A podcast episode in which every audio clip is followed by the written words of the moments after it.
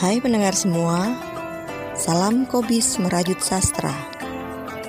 Pada Ramadan 2022 kali ini, Kobis Merajut Sastra akan menemani kalian dengan rangkaian cerpen selama sebulan penuh.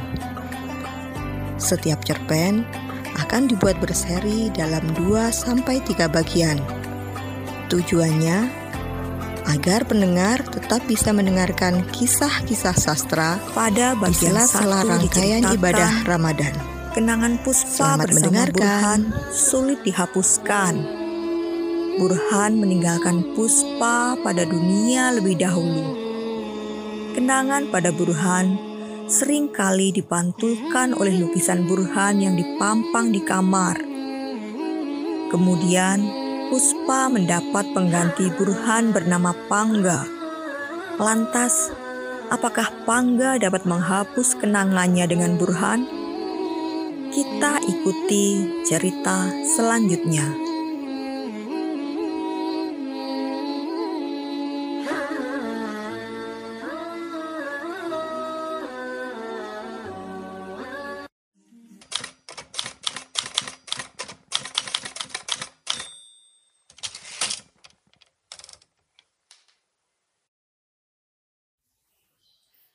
Lukisan dalam kamar karya Iman Suwongso bagian kedua. Tetapi akhir-akhir ini, setiap kali selesai pertemuannya dengan Pangga, kegelisahan Puspa tak bisa dibendungnya. Memandang lukisan Burhan semakin memperpanjang tidak bisa tidurnya. Ia juga teringat kata-kata Burhan hampir terakhir harinya. Memang, tidak setiap orang akan betah sendirian. Orang sering takut kehilangan miliknya. Di situ barangkali perlunya orang merasa tidak punya apa-apa.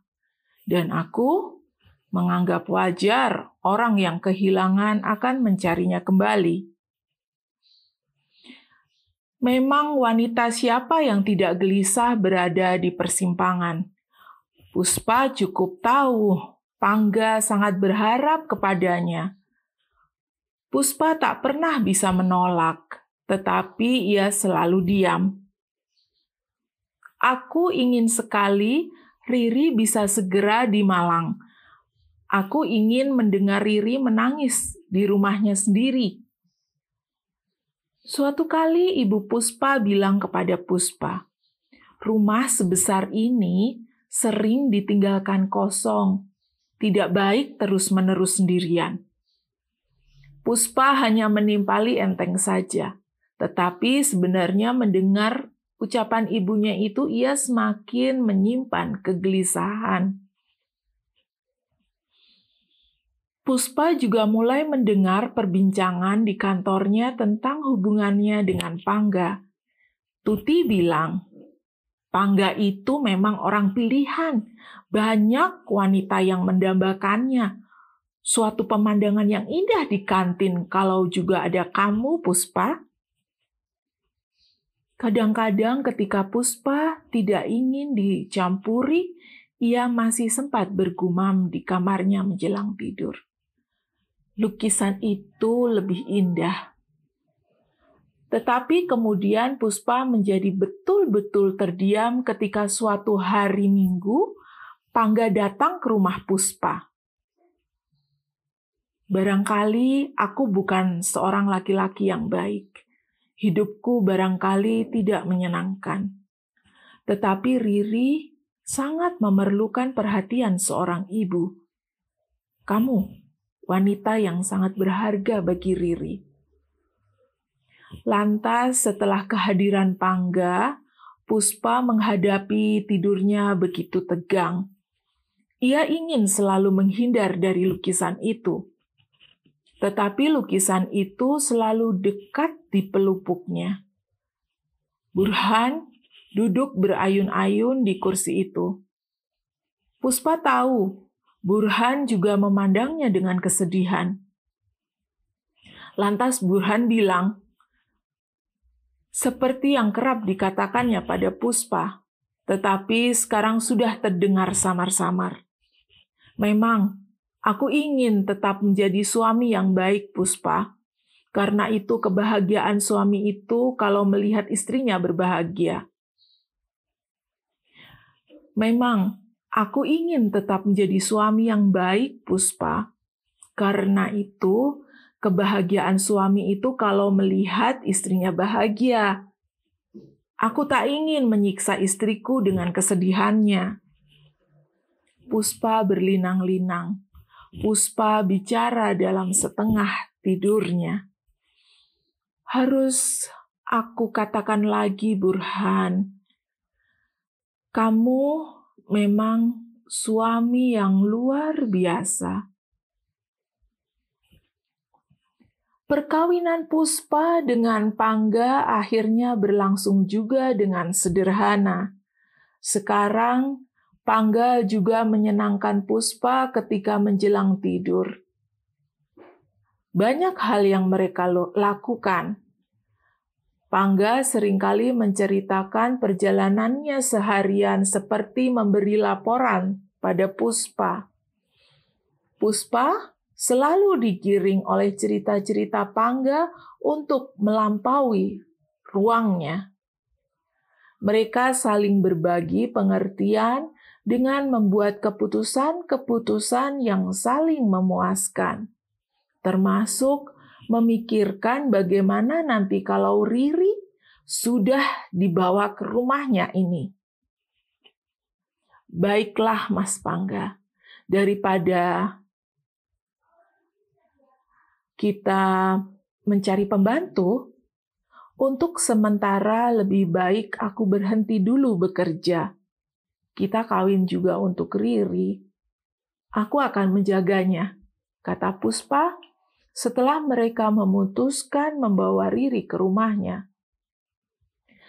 Terima kasih, Puspa. Terima kasih, kata Pangga.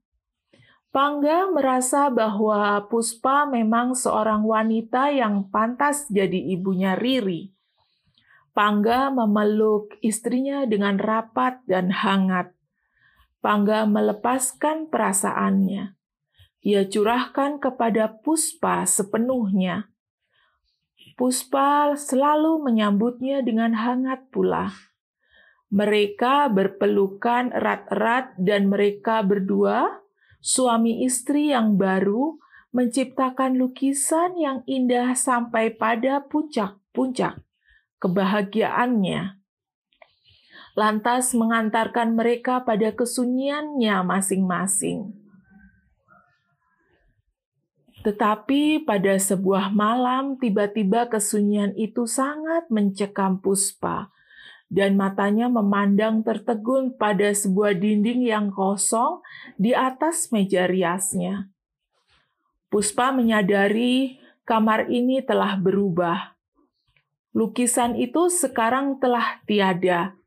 Sekarang hanya ada lukisan lain di kamar ini. Entah Puspa merasa kehilangan pada malam itu. Kehilangan lukisan itu, kehilangan masa lalunya kehilangan percakapan dengan Burhan. Puspa tidur tidak nyenyak sama sekali semalam. Paginya, Puspa menjadi merasa tidak enak untuk bicara pada Pangga. Sejak ia bangun, mulutnya terkunci, tidak mengeluarkan kata-kata apa-apa. Ia hanya membongkar-bongkar karena itu rumahnya kelihatan berantakan.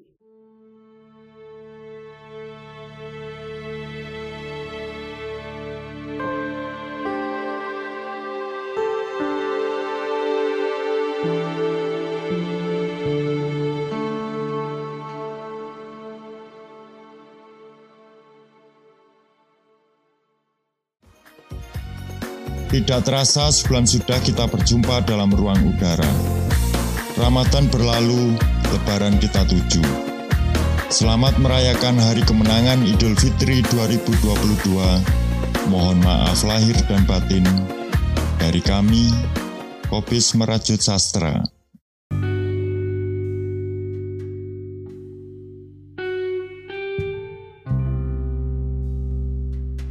Hai kawan-kawan, era digital telah berkembang pesat, mengisi seluruh sudut kehidupan kita. Podcast menjadi salah satu produk digital yang kini terus berkembang. Tak sekedar menjadi ruang dokumentasi, tetapi juga menjadi ruang interaksi publik. Bagi kawan-kawan yang ingin mempublikasikan karya podcastnya, Anchor pilihannya. Kenapa harus Anchor? Karena mudah menggunakannya dan bisa mengupload dari mana saja. Anchor bisa di-download di App Store dan Play Store secara gratis